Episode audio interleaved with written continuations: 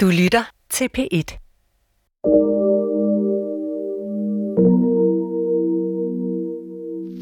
Vi vil have en radio med frisk luft og godt humør. Jeg, Francisco Franco Baramonde, general, øverstkommanderende over de væbnede styrker i Marokko, bekendt gør for alle. Ligene af spaniere, amerikanere, franskmænd, tjekkere, tyskere, jugoslaver, englændere, polakker, skandinaver, italienere. Lig af alverdens nationer. Rene banditter, der havde benyttet lejligheden til at forsvinde fra deres eget land.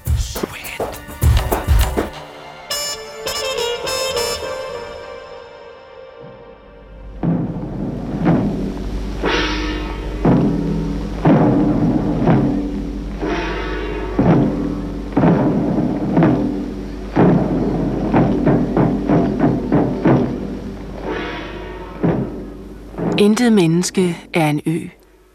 En verden for sig. Et hvert menneske er et stykke af fastlandet. En del af det hele. Om en lerklump skylles bort fra havet, eller et forbjerg, eller din vens hus, eller dit eget. Europa bliver mindre derved. Et hvert menneskes død river noget fra mig, til jeg er et med den ganske menneskehed. Så derfor skal du ikke spørge, hvem ringer klokkerne for? De ringer for dig.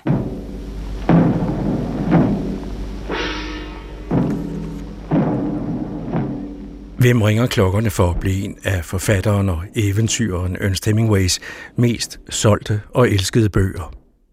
Beretningen om den unge amerikanske lektor, der i 1937 kommer til Spanien og stiller sin viden om sprængstoffer til rådighed for den unge republiks soldater i kampen mod Frankos kongetro oprør.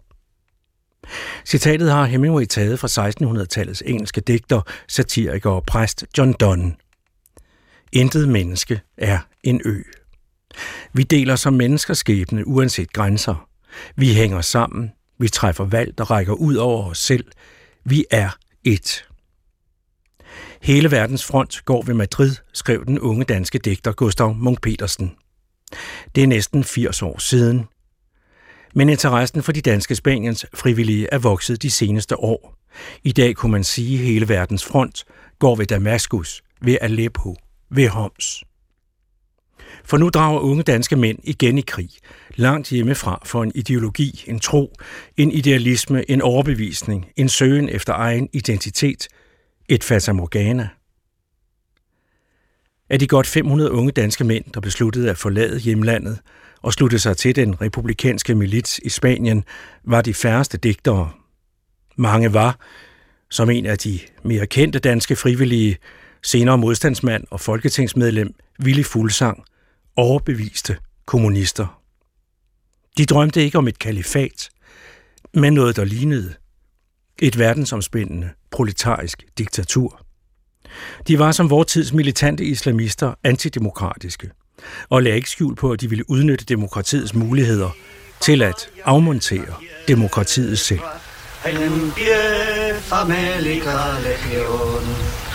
Los proletarios gritan guerra hasta el fin de la opresión.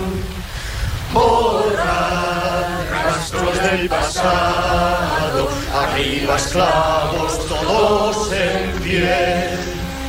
El mundo va a cambiar de base, los nada de hoy todo han de ser. Abruguémonos todos en la lucha final.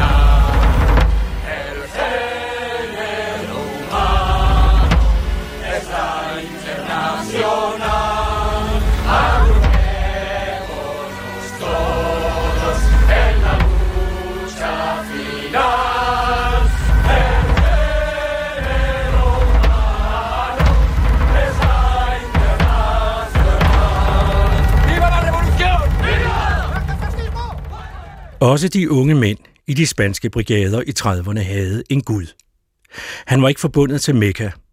og levede ikke kun gennem sit ord i den hellige Koran. Nej, han var lyslevende, en georgisk bjergbonde, der gennem blodige udrensninger, snimor, hjernevask, personkult, havde opkastet sig til vor herre på jord for alle revolutionære.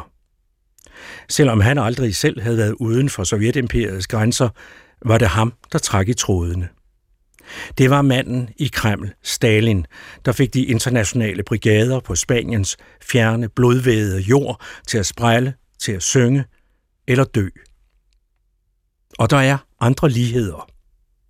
Vi er i dag som dengang i 1930'erne bekymrede og bange for at få de unge mænd tilbage, forrådede, radikaliserede, våben- og kamptrænede, og med en tydelig afsky for de hjemlige politikere og de håndsky borgerdyr, vi andre nu engang er, eller bliver anset for at være. Ja, ikke engang den særlige romantik, der knytter sig til Spaniens borgerkrig, fordi den foregik under solen blandt et varmblodigt og syngende folkefærd, er egentlig helt særegen. Tilhængerne af islamisk stat har skam også deres sange. أمتي قد لاح فجر فارقب النصر المبين دولة الإسلام قامت بدماء الصادقين. أمتي قد لاح فجر فارقب النصر المبين. دولة الإسلام قامت بدماء الصادقين.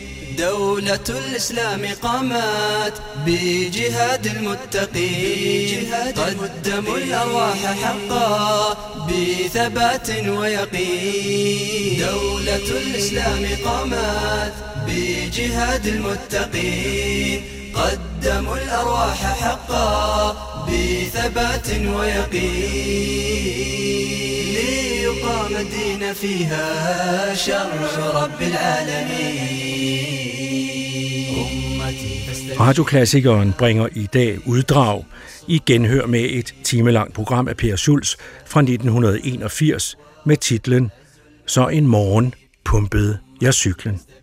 Fortællinger fra den spanske borgerkrig.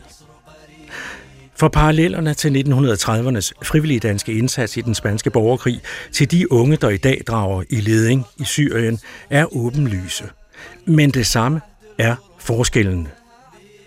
For unge danske muslimer drager ikke kun til Syrien for at slutte sig til kalifatets diktatur. Mange, oftest af kurdisk herkomst, tager i dag afsted for at bekæmpe selvsamme islamistiske diktatur. Danske statsborgere står altså med Kalashnikovs på hver sin side af fronterne med geværløbet pegende mod hinanden. Motiverne er forskellige. Nogle støtter Gud og diktaturet, andre kæmper for mennesket og individet. Hvem ligner de Spaniens frivillige mest? Hemingways indledende ord til romanen om den spanske borgerkrig gælder i hvert fald til stadighed, at intet menneske er en ø.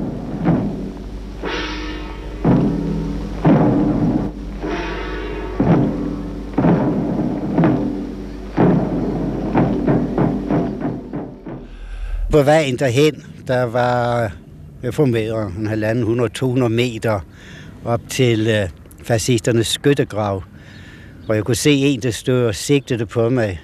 Kan jeg forsøgte samme. Jeg tror ikke, jeg ramte ham. Han ramte altså mig. Og øh, han ramte mig sådan, det gik ind i skuldrene, så gik det gennem mig praktisk talt på langs. Men sådan, det gik ud ved ryggraden, og det gjorde formentlig, at jeg kunne ikke lade være med at spjætte med venstre arm og ben. Og så fik man naturligt den tanke, det, det er nu nok hjertet, og det betyder nok, at du er ved at dø. Men du må endelig prøve at ligge stille for ham derovre. Han kunne se mig. Skal nu ikke prale, at han har skudt en rød kommissær. Georg Andersen og Willy Fuglsang. To af de 550 danske, der meldte sig som frivillige i den spanske borgerkrig. 220 blev dræbt dernede, og mange af de overlevende faldt senere i modstandskampen under den tyske besættelse eller døde i nazisternes koncentrationslejre. Hvad fik dem til at tage afsted? Ja, for at forstå det, må man forestille sig Europa i 30'erne. ad imprimere un nuovo corso nella storia dei continenti. Efter 1. verdenskrig havde stadig flere lande fået demokratiske forfatninger med frie valg. Nu kom reaktionen. De, som havde tjent på den gamle ordning, følte sig truet, og med Italiens Benito Mussolini og Tysklands Adolf Hitler som redskaber, bredte fascismen sig som en pest over Europa. En i sig selv, ved vi, reaktionær bevægelse, brutal bevægelse, men det den voksede på, det var den håbløshed og perspektivløshed, der var en følge af andres kræfters svigten. Og stærkest kom det så til udtryk netop i Tyskland. Altså i Tyskland, som øh, havde Weimar forfatningen, som blev betragtet som en demokratisk mønsterforfatning, som vil have verdens stærkest organiserede fagbevægelse, som havde verdens stærke socialdemokratiske parti, og det kan samtidig også et meget stærkt kommunistisk parti. Og så i 1933 brød det hele sammen som et korthus, hvor Hitler tog magten, og det andet, så at sige med et, lå i ruiner. Sådan så verden ud for Willy Fuglsang i 30'ernes begyndelse. Også andre kunne se, hvor det bare hen. I Phoenix Teaters revy Morgen, middag, aften gav Osvald Helmut udtryk for den krigsangst, der hører med til perioden. Altså, sikke forhold, sikke ting, man læser om. Spanien, de er vel nok i klemme. Rustningerne stiger i Moskva, Berlin og Rom. Nå, vi har det meget godt herhjemme. Hvad der sker i Middelhavet, det var ikke mig. Jeg kan da være ligeglad. Du kan ikke nej. For hvis krigen rent tilfældigt kommer denne vej, så er der nemlig en ting, vi ikke må glemme. Så er det mig, der er den tabre landsoldat. Når vi vågner ved drøn af en granat, så er det mig, der er på pletten og skal krydse bajonetten med min tyske eller franske kammerat. Folk som I og jeg, vi bruger aldrig store ord. Det gør diktator desto mere. Værne statens ære med sit blod på fjendens jord. Oversat på simpelt dansk, kraperer. Den slags store herrer fører altid samme sprog. Bare gå på med vanden og på blodet så det kog. Men skal det sig selv til fronten? Ja, du er rigtig klog. Nej, det skal de sgu ikke risikere. Nej, du og jeg, vi er den tabre landsoldat. Fejler laget, så må vi alene taget. Så kan ungerne og konen siden sulte på pensionen, hvis de der ikke også møder en granat. Vi får mindetaler, godt med hulk og snøft. En embedsmand, der aldrig selv har prøvet at få sjælen slidt i totter mellem lus og skidt og rotter, for til sidst at ligge smadret i en grøft. Vi er kun styrvolder i det store lumpende spil. Vi er ikke andet end den kødrand, der skal til. Ikke mennesker, kun menneskemateriel. En kanon skal jo have noget at slå ihjel. Vi ved godt, at inden længe er den næste krig parat. Men så strækker nok den tabre landsoldat. Så strækker nok den tabre landsoldat. Årene efter skulle vise, at det håb var alt for fromt. Den spanske borgerkrig var kun begyndelsen til den anden verdenskrig, der lagde Europa i ruiner. Ved valget i 1936 gav det spanske folk utvetydigt sin støtte til Venstrepartiernes fælles program. En demokratisk styreform, en jordreform med udstykning af storgodserne, en begrænsning af kirkens umådelige økonomiske og kulturelle magt, en forbedring af sociallovgivningen og en kraftig nedskæring af det snyltende og politiserende officerskorps i hæren.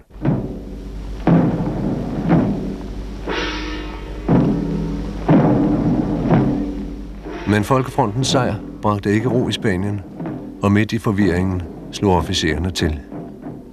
Under ledelse af en af de mænd, der havde foretaget nedslagningen af rabatopstanden i Asturien, general Francisco Franco, begyndte oprøret mod den lovligt valgte regering natten mellem den 17. og 18. juli 1936.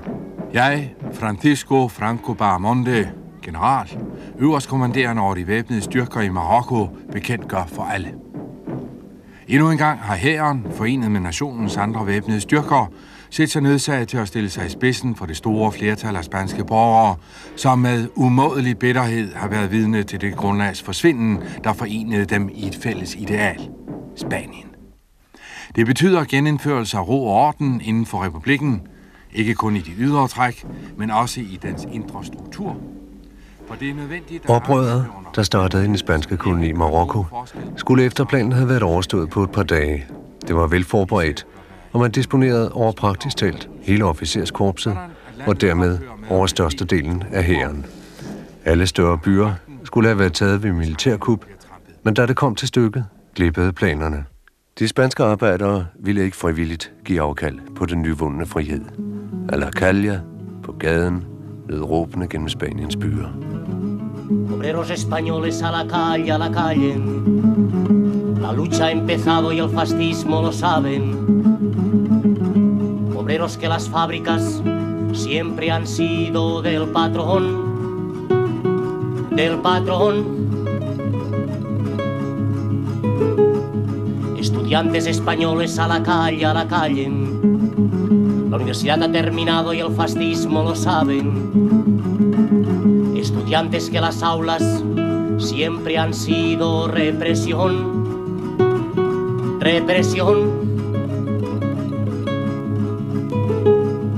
Treinta años de paz han sido solo opresión. Matemos las palabras, pasemos a la acción.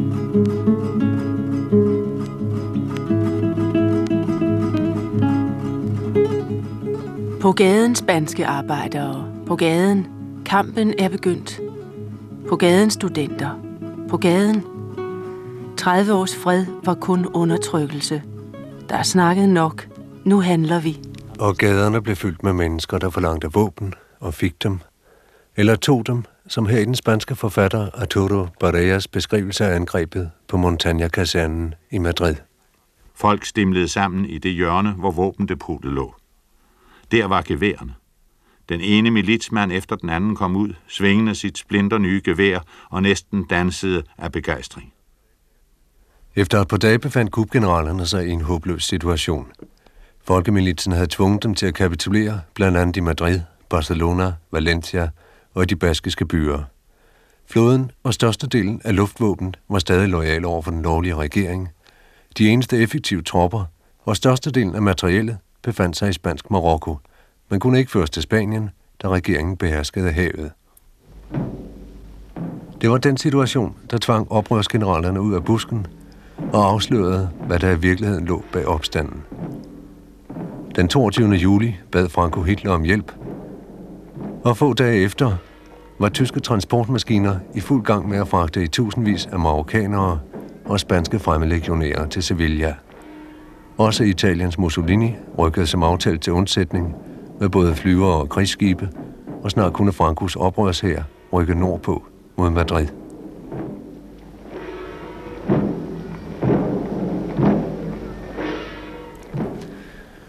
Alt dette skete på trods af ikke-indblandingspolitikken. En aftale, som stormagterne og efterhånden de fleste europæiske lande var blevet enige om straks efter starten på urolighederne. Det er deres krig, og dem om det sagde man til hinanden. Velvidende, at borgerkrigen allerede inden dens begyndelse havde været infiltreret af fascistiske tropper. Heller ikke Danmark lod sig forstyrre af kendskærningerne.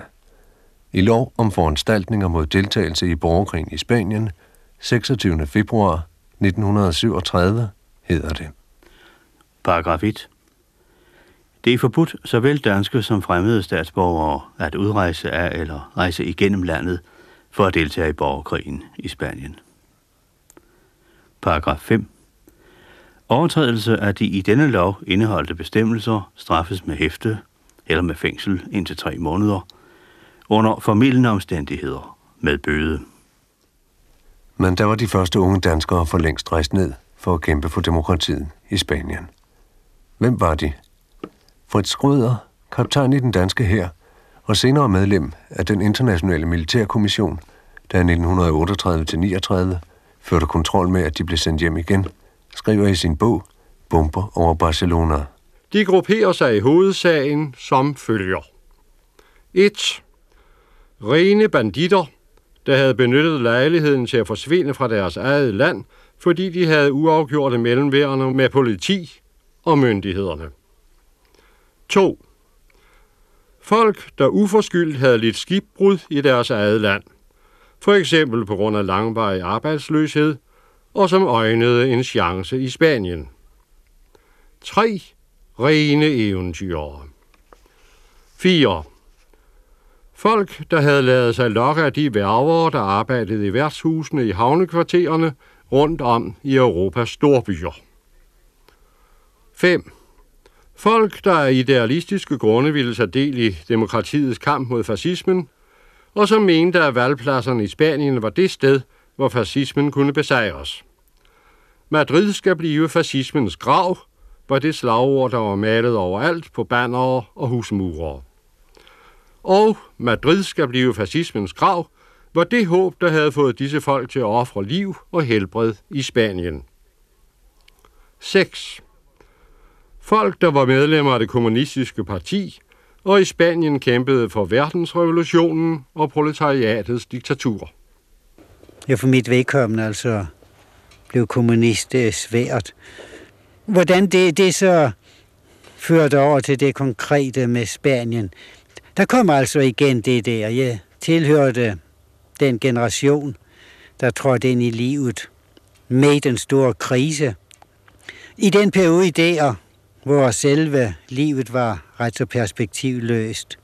For os var det så, at fascismen ved for så vidt på en dygtig måde at udnytte den perspektivløse efterhånden slog igennem. Men altså, om man ville det eller ikke ville det, så var man tvunget nu i at tage politisk debat og følge med.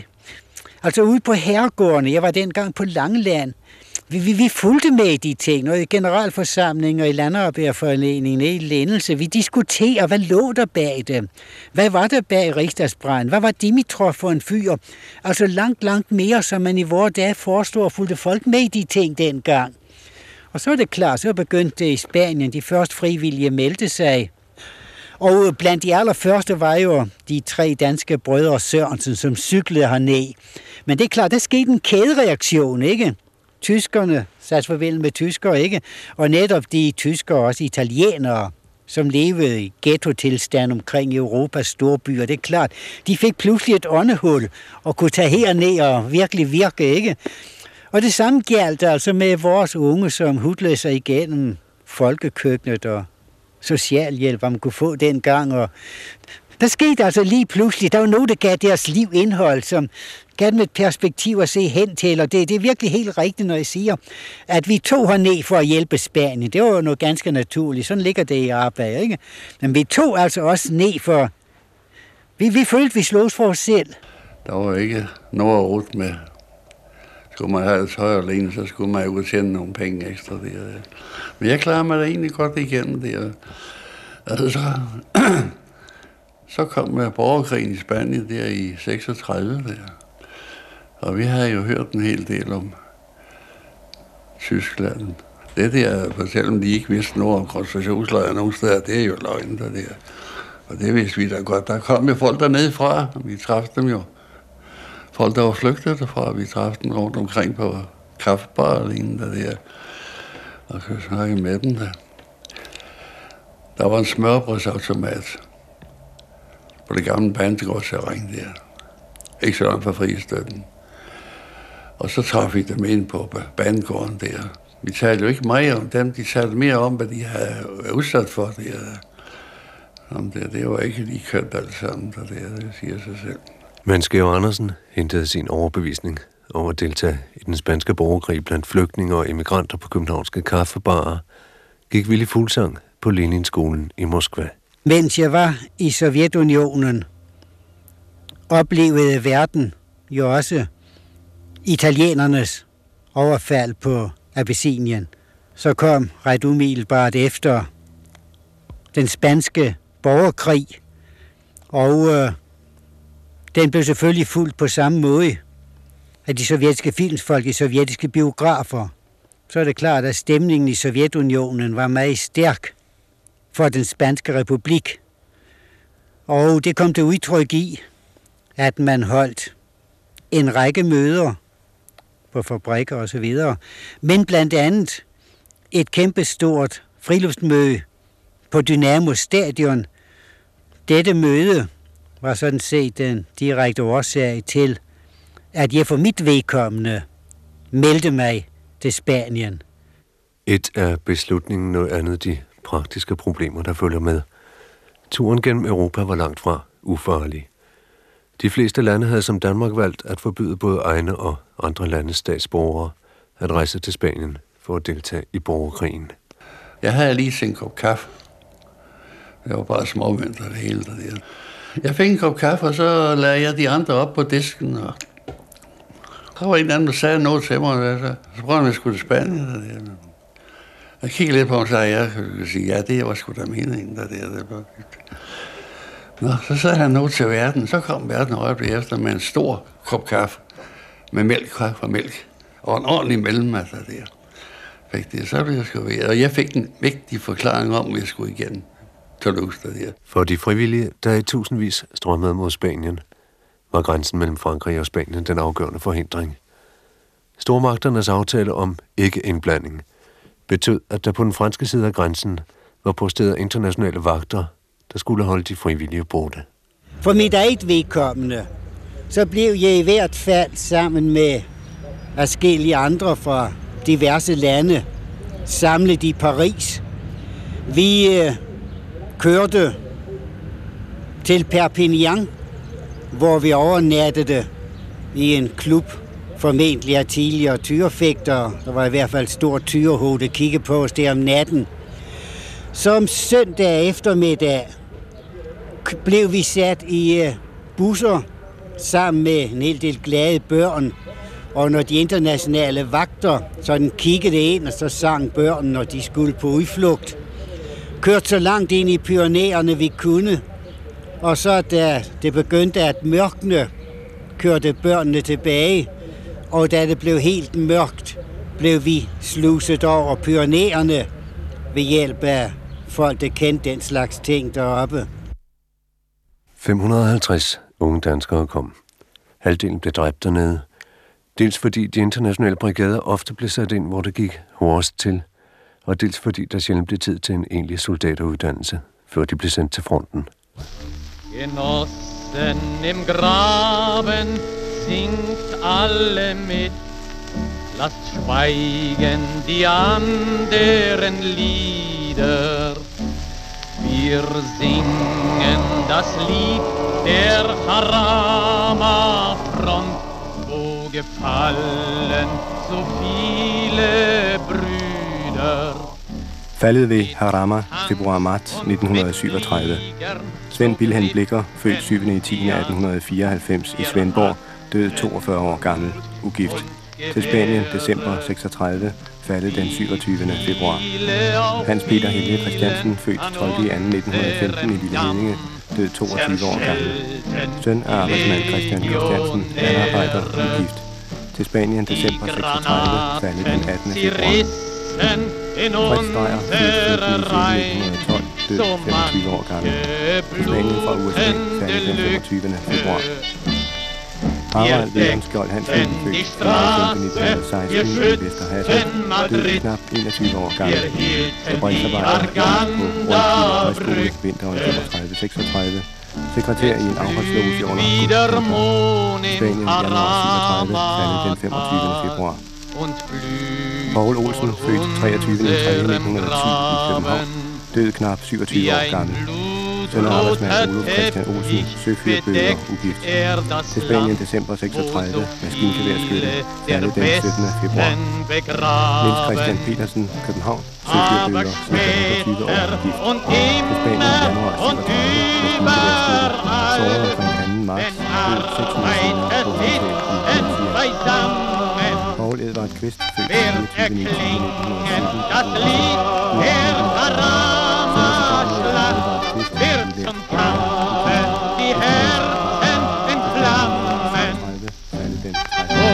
Einmal dann, wenn die Stunde kommt, da wir alle Gespenster verjagen, wird die ganze Welt nur Front, wie in den Februartagen.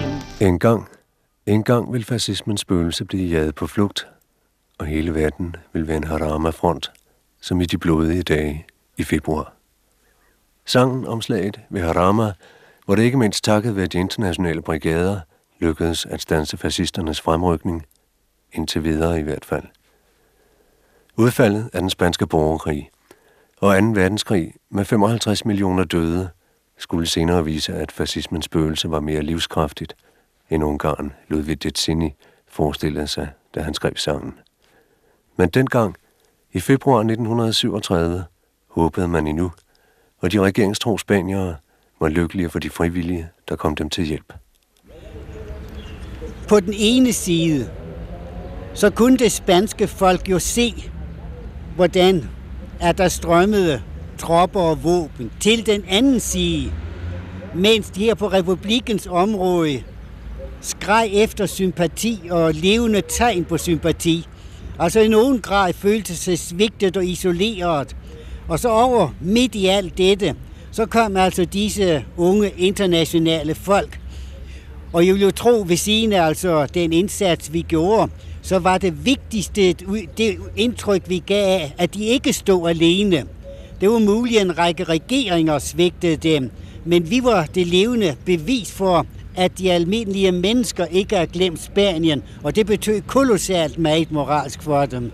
Men moral alene vinder ingen krig, og snart var de frivillige midt i opslidende skyttegravskampe, som den norske forfatter og krigskorrespondent Nordan Grieg har beskrevet dem i sin bog Ung må verden endnu værre.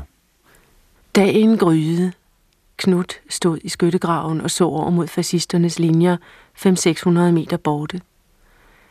Der lå nogle lig på sneen. Andre lig lå mil efter mil videre langs denne bjergryg. Ligene af spaniere, amerikanere, franskmænd, tjekkere, tyskere, jugoslaver, englændere, polakker, skandinaver, italienere, lig af alverdens nationer. Ved siden af sig havde han deres endnu levende kammerater, frysende med udtærede læmer og udtryksløse grå ansigter. Det var mænd, der ønskede fred og frihed for alle folkeslag. I dæmringens grå lys så han, hvor langt deres håb var kommet. Artilleriet satte ind igen. Eksplosionerne slyngede jordmasserne i vejret. Det var som om den stille grå luft over dem kunne have været en lydtæt væg med et hylende helvede bag fra evighed til evighed. Og hver granat var en lue, der blev revet op. Jorden skulle lære noget. En ung hollænder kom vaklende hen til den politiske leder. Han var hvid i ansigtet. Jeg vil ikke mere, skreg han. Jeg kan ikke. Jeg vil ikke dræbe. Har du dræbt? spurgte den blide dansker alvorligt. Jeg vil ikke dræbe. Men blive dræbt da. Dræbe, dræbe, gentog han skælvende. Sæt dig her, sagde Svend Hollænderen satte sig. Du ved, sagde Svend at når nogen har det som du, sender vi dem tilbage. Men vi kan ikke nu. Hver mand tæller. Drengen ved siden af ham skreg op. Jeg kan ikke. Vi er kommet herned for at forsvare folket, sagde danskeren alvorligt. Vi kom som soldater. Har noget menneske på jorden kunne vise os en anden måde? Men først nu forstår jeg, at det er forkert at slå ihjel, sagde drengen og stirrede stift på skyttegravens væg. Det er forfærdeligt. Gør med mig, hvad I vil. Jeg gør det ikke mere. Vi andre må gøre det. Er du bedre end os? Du har været med os i seks måneder. Tænk dig om. Vil du være bedre end os? Svend Åge gik. Da fascisterne næste gang stormede frem, nåede de forreste 30 meter fra skyttegraven. Skrigende stod hollænderen og kastede håndgranater. Bagefter sad han stille for sig selv. Svend Åge, den milde dansker, kalder Nordal Grieg ham i sin bog. Politisk leder eller politkommissær. I virkeligheden hedder han, og hed han, Willy Fuglsang. I en almindelig hær bygger disciplinen sådan set på tvang, det man kalder kadaverdisciplin. Og det er klart, det kan man ikke i en her, sådan en spanske hold, folkehær, og jo for jo slet ikke i de internationale brigader, hvor når folk er frivilligt, ikke? Og den disciplin, øh, disciplin, vi må bygge på, det er overbevisningen om, hvorfor skal vi holde den by? Hvor skal vi, skal vi erobre den by? Hvad er den politiske opgave blandt os? Altså, vores disciplin hæfter sammen netop af en fælles overbevisning. Og netop derfor vores opgave er at bygge den, men altså samtidig at sammensmelte alle de forskellige partiorganisationer, som folkefronterne bestod af. Så ved sin DA, så var kommissærens opgave det, som tror nok var feltvæblernes opgave i det gamle Tyskland og så videre. Altså ordne brev og så vidt muligt, skaffe cigaretter og bytte støvler og alle de små personlige sorger. Men den politiske opgave var altså at forklare dem Folkefrontens principper og få dem til at slås ud for de principper. Altså for at tage et øh, primitivt eksempel, ikke? så for mange arbejder og revolutionære, og dengang var store dele af Europa jo fascistisk undertrykt og så videre, ikke? Og mange sagde, at det, det var rart at have gevær over for de andre, ikke? Og vores argumenter for at puste deres gevær, det er jo ikke, hvis I ikke gør det og det, så bliver straf på den og den måde. Men at fortælle dem, der går mange arbejde og andre mennesker i Europa, som ønsker at have sådan et gevær, nu har I det, så er I en pligt med at holde det gevær i orden.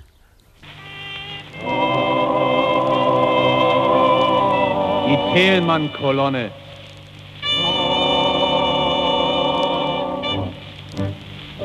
Spaniens Himmel breitet seine Sterne über unsere Schützengräben aus. Faldet ved Brunette, juli 1937. Robert Edvin Julius Abrahamsen, født 31. 3. 1902 i Lille Lyngby, død 35 år gammel. Søn af restauratør M. Abrahamsen, gift, infanterist, såret den 26. juli, død på hospitalet i Ben Kassim den 2. september. Brag Thelmann faldt omkring den 9. juli. Henry Højbjerg, født 28. 7. 1918 i København, død knap 19 år gammel. Til Spanien maj 37, faldet ved Guadarrama den 18. juli. Ronald Johansen, født 5. 9. 1908 i København, død knap 29 år gammel. Søn af montør Karl Johansen, udlært tømrer ugift. Til Spanien december 36, sergeant, deltog i kampene på Sydfronten, faldet omkring den 25. juli. Ove Larsen, København, død cirka 20 år gammel. Magnus Christian Laugesen, født 6. 1915 i Skive, død 22 år gammel. Julia Slagsen, ugift. Til Spanien februar 37. Telman-kolonnens slagsang. Telman-kolonnen var en af de kolonner, som mange danske frivillige blev knyttet til. Den er opkaldt efter den tyske arbejderleder Ernst Thälmann.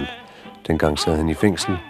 I 1944 blev han skudt i den tyske koncentrationslejr Buchenwald. Kolonnen blev i august 1937 flyttet til Aragonfronten.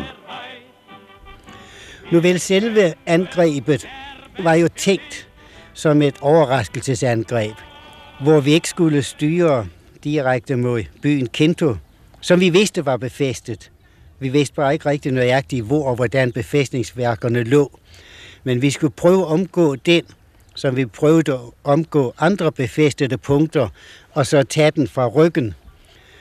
Og så gik vi altså dækket af mørkningen, gåsegang og var selvfølgelig hverken ryge eller snakke eller på anden måde gøre os bemærket. Når jeg står med frem, jeg er langt ben, kom sgu da langt foran de andre. Men de har travlt med at få spanierne med ud, så løb jeg sgu væk. Jeg havde sgu langt mere til, at de var med. Jeg kom op i nærheden af fæstningen og spekulerede på, hvordan fanden jeg skulle komme over det her. Der var pitråd der. Men det var nu bare en del sammen, der kom op der. Så kommer der sgu en mand på tværs. Det var en fra brigaden på tværs. Alene han går her rundt omkring det hele, som det er ikke gravet af ham. Det var en tysker, han spurgte, om jeg var kommet bagefter. Ja, det vidste jeg ikke, så de andre kommer dernede. Der. Nå, så, så skal jeg også skille dem ud. Og du kan lige så godt vente, for du kan sgu da ikke råbe dig selv. Så der er vist ikke noget at råbe dig. Altså. Så, så, så kom der sgu en kugle der fra. Men der havde vi det. Lincoln bationen på højre side, de var jo kommet op der. Og hvordan siger vi også kommer? Vi var bagefter faktisk. Da vi kom derop, og vi kunne lige stå om ind i hele, der var ingen modstander. Da vi kom ind. Så var Eivind og jeg nede en af understandene. Der havde været kilde om aftenen, der lå nogle flasker, der lå to nøgne kvinder, og de havde skåret brysterne af der. der. For satan også ikke syn der der, sige. Jeg tror nok, at hvis vi havde været i tvivl om, at vi skulle skyde, så var det skulle sket med det.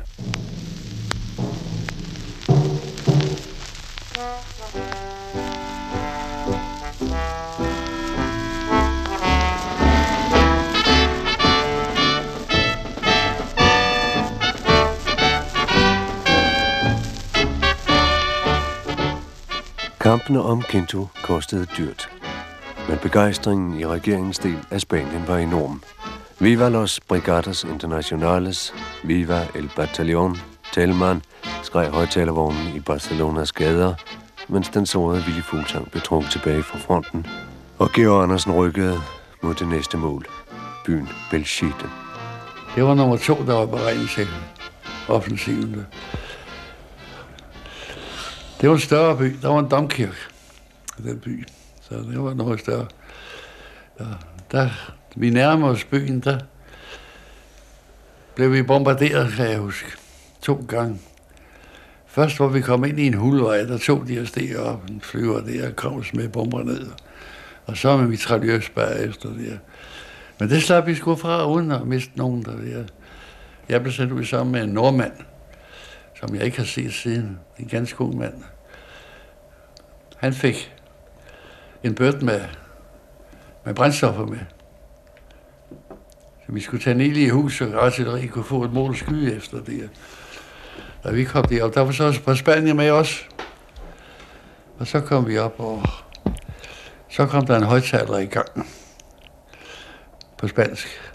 Det, var, det viste sig, det var vores, men det var vi ikke klar over, det vi ikke kunne forstå det. Og de to spanier, de forsvandt ned i nogle kammerater i en anden skytgrav, der holdt op der. Og op til os, så man kom derned, det så vi, når vi vidste, hvad fanden det var. Og det var fjendens, eller det var vores handling. Og vi kunne ikke forstå den her højtsal. Den talte længe, det forstør os helt. Vi lå bag den her mur, vi skulle over vejen for at komme ind. Der lå bare hus derhen, som vi passende kunne sætte ind på det der. Vi lå og spildte siden det, vi tog og skulle ikke rigtigt. Så til sidst, så sagde nordmanden, han tog skoene af. Det var de her par Gorgrettos. Og, og så læste han ind over, og så skulle jeg ligge tilbage og holde vejen fri, så han kunne komme tilbage igen. Og der gik fandme lang tid. Så blev der ballade deroppe stadig. Jeg kunne ikke forstå, hvor de sagde, jeg havde sgu opgivet. Det begyndte at lysne, så du skulle ikke ligge her, når det lysner midt imellem hele lortet. Så gik jeg tilbage til træet, og derfra kunne jeg råbe det til anden af skytgraven. Der lå nogle folk, løjtnant og og nogle folk. Og han spurgte altså nordmanden, jeg ved fandme ikke, hvor han er. Jeg blev værdig, og sammen, så gav det i knald. Og så slog der en flamme op, men det var slukket med det samme igen. Der har han smidt en håndgranat ind i hus. Og den var, den har eksploderet til, så smider han en oveni, og den slukker den først. Det var fuldstændig åbnet. Vi har spildt hele nattens rav og deroppe. Men så måtte jeg op igen, for nu var jeg klar over, at han var levende endnu, så imod. Så kom han kravlen ind over vejen, fik sin sko igen, fik på. Så tilbage igen. Og så var nordmanden, Martin Schei hed han, i sikkerhed. Så længe det varede. Dagen efter blev han dræbt under belejringen af Belchite. I nutidens Spanien skal man som regel se sig godt for, for at finde spor af borgerkrigen. De, som vandt den, ønsker ikke at blive mindet om den, og de, som tabte, fik andet at tænke på. En undtagelse er netop byen Belchite. 50 km sydøst for Zaragoza ligger den den dag i dag som en kæmpemæssig ruin. En spøgelsesby med sønderskudte kirker, et hospital vredet i stumper af granater, og hundreder og atter hundreder af rester af noget, der engang har været hjem for mennesker. Vægge, der er kastet ud på gaderne, gennembrudte gulve og lofter, trapper, der fører ingen steder hen, fliser, tapetstumper, smadret køkkentøj. Kun røgen mangler, og skrigene og lugten af angst og brændte børn. I marts 1981 sidder jeg der sammen med Ville Fuglsang. Det, som vi mente at have lært, og øh, som vi jo i høj grad har lært senere, det er jo det, at det er faktisk ikke nok, at vi siger og reelt ønsker, at der aldrig mere skal opstå krig. Altså de ruiner, som vi nu ser på, er jo et bevis for, at der er perioder, hvor man med mange miler, men øh, blandt andet også det, som Belgitte Vinesbyer for virkelig må føre krig mod krigens kræfter. Man må huske det, som jeg så mange gange har sagt, at vi tog herned. Det var jo i og for sig, for også med den frygtelige pris, vi ser her, at stanse krigen, inden den fik lov til at brede sig over verden. Nu lykkedes det os ikke at stanse fascismen her. Og senere, så det vi ser i Belsitte, det er jo kun en miniatyrudgave, hvad der har ramt andre byer i verden. Altså, jeg selv har gået igennem Warszawa, hvor det drejer sig om mange, mange kvadratkilometer, som faktisk ser ud som noget af det værste her, hvor det er heldigvis, man ser nogle murbrokker. Mange i Danmark har vel set Hamburg, Berlin, jeg har selv set Dresden fra den tid. Vi har i hvert fald set billeder fra Rotterdam, fra Coventry, fra Narvik. Altså verden over blev der jo spredt den slags ruinbyer, som vi sådan set er viner til her.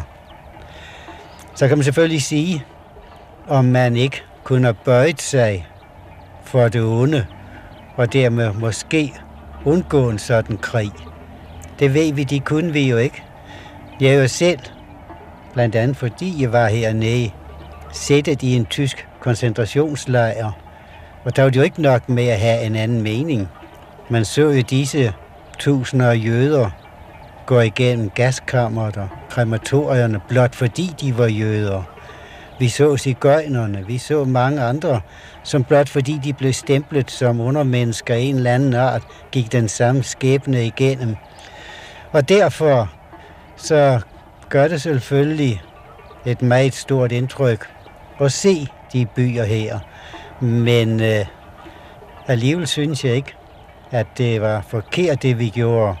For det var et oprigtigt og hederligt forsøg på at hindre, at en hel verden skulle blive sat i brand på den måde, vi ser her. Krig er frygtelig, men det er ikke nok at sige, at vi ønsker ikke krig. Der må aldrig komme krig.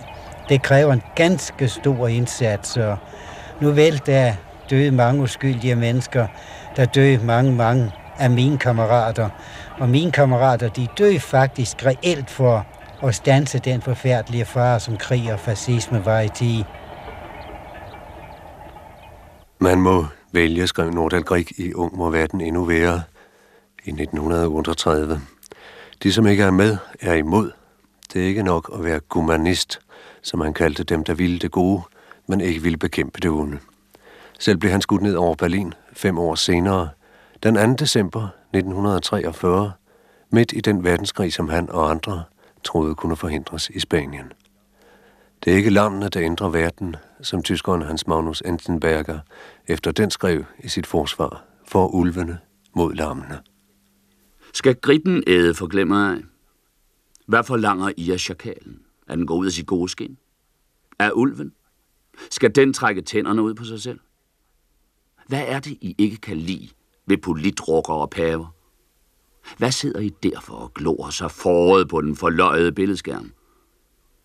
Hvem er det, der syr blodstriben på generalens bukser? Hvem trancherer kapunen for overkallen?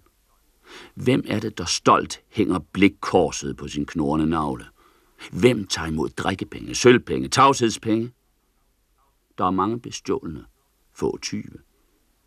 Hvem applauderer dem der? Hvem er det, der tager emblemerne på? Hvem tørster efter løgn? Se jer i spejl. Feje, utilbøjelige til at tage ved lære, skyer i sandhedens møg, overlader til ulvene at tænke. Næseringen er jeres kæreste smyk. Intet bedrag for dumt. Ingen trøst for billig. En hver afpresning for mild imod jer. I lam. Søstre er kraverne ved siden af jer. I blinder hver andre. Broderskab råder blandt ulvene. De går i flokke lovede være røverne. I indbyder til voldtægt. Lægger jeg lydigt på den lade side, endnu mens I klynker lyver I. Sønderrives vil I. I ændrer ikke verden. Jeg føler, det tror jeg, vi føler alle sammen, at vi gjorde rigtigt, da vi meldte os i Spanien. Jeg tror, vi føler alle sammen, at de kammerater, vi mistede, og tror selv, de har den følelse, når de døde, at det, det de gjorde, det var rigtigt. De de døde for en retfærdig sag. Og det er vel også årsagen til, at øh, de automatisk jo gik direkte fra den spanske krig over i modstandskampen, og vel årsagen til, at de stadigvæk med stor interesse, men stadigvæk på den samme baggrund, følger det, som sker, ikke alene i Spanien, men også i den øvrige verden i dag. Jeg synes altså, at øh, mit og vores livs hovedlinjer har været rigtige. Jeg kan ikke forestille mig nogen af os, som at hvis vi skulle vælge en gang til, at vi vil vælge nogen anden vej. Jeg tror virkelig ingen af os, der mener, at vi har spildt vores liv. Vi har levet rigtigt, vi har ret. Selvom en kamp bliver tabt, så er den noget værd alligevel. Den, den fremmer noget. Der der. Det er det samme, de spørger herude omkring. Det kan jo ikke betale, så vi tager bare og stræk, vi tager bare. det. Jamen hvad fanden, det kan ikke altid gå frem. Det var ikke godt, det gjorde, så tror jeg, jeg kom fra forkert sted hen til det sidst. Man skal ikke være bange for at tabe. Man har kæmpet, det er nok. Og det betyder noget i udviklingen. Altid betyder noget.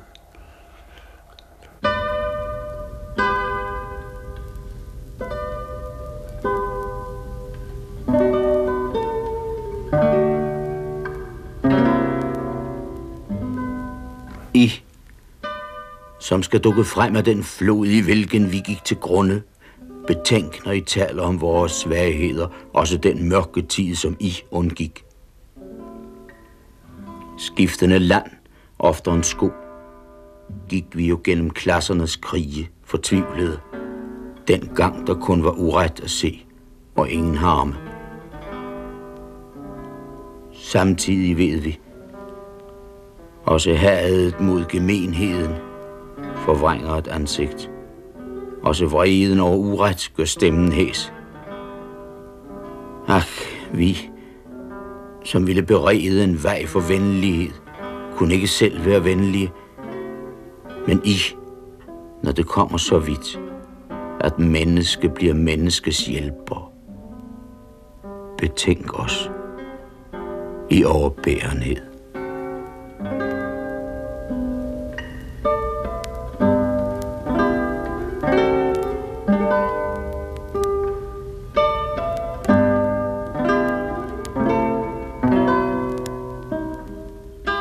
Sorg var stor, da vi stod på hovedbanen og ventede på de hjemvendte, og min dreng ikke var med. Nu er hans breve blevet så blege, og mine øjne så svage, at jeg ikke kan se og læse dem mere. Vi har aldrig fået noget bevis på, at han er død. Og jeg har ventet ham i flere år, for måske var han fængslet eller flygtet. Men han er vel død.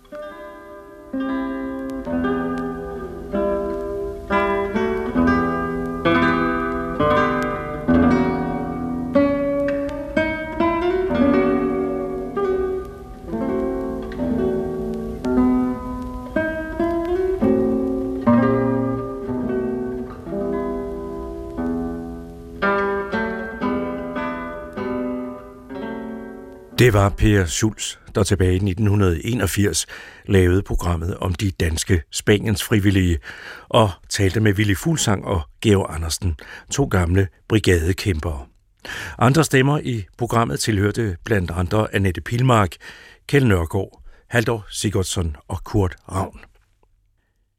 Radioklassikeren er tilbage næste tirsdag her på P1 formiddag efter nyhederne kl. 10. Og der ser jeg på terrorisme i Europa i lyset af de blodige begivenheder i Paris i forrige uge. Går man i radioarkiverne, hvis man ikke kan gøre det i sin egen hukommelse, så finder man nemlig ud af, at Europa altid har været en livlig scene for terror og terrorister. Det er ligesom med krig på det her kontinent, kunne man sige. Vi burde nærmest efterhånden være vant til det. Quien se acordaba de ti en la batalla del Ebro? ¿Quién serías tu Carmela, cantada en la voz del pueblo? ¿Qué miliciano te amó y fue dueño de tu cuerpo? ¿Quién se acordaba de ti en la batalla del Ebro? Jeg hedder Jon Kaldan. På genhør. Du kan høre flere P1-podcasts i DR's radio-app. Det giver mening.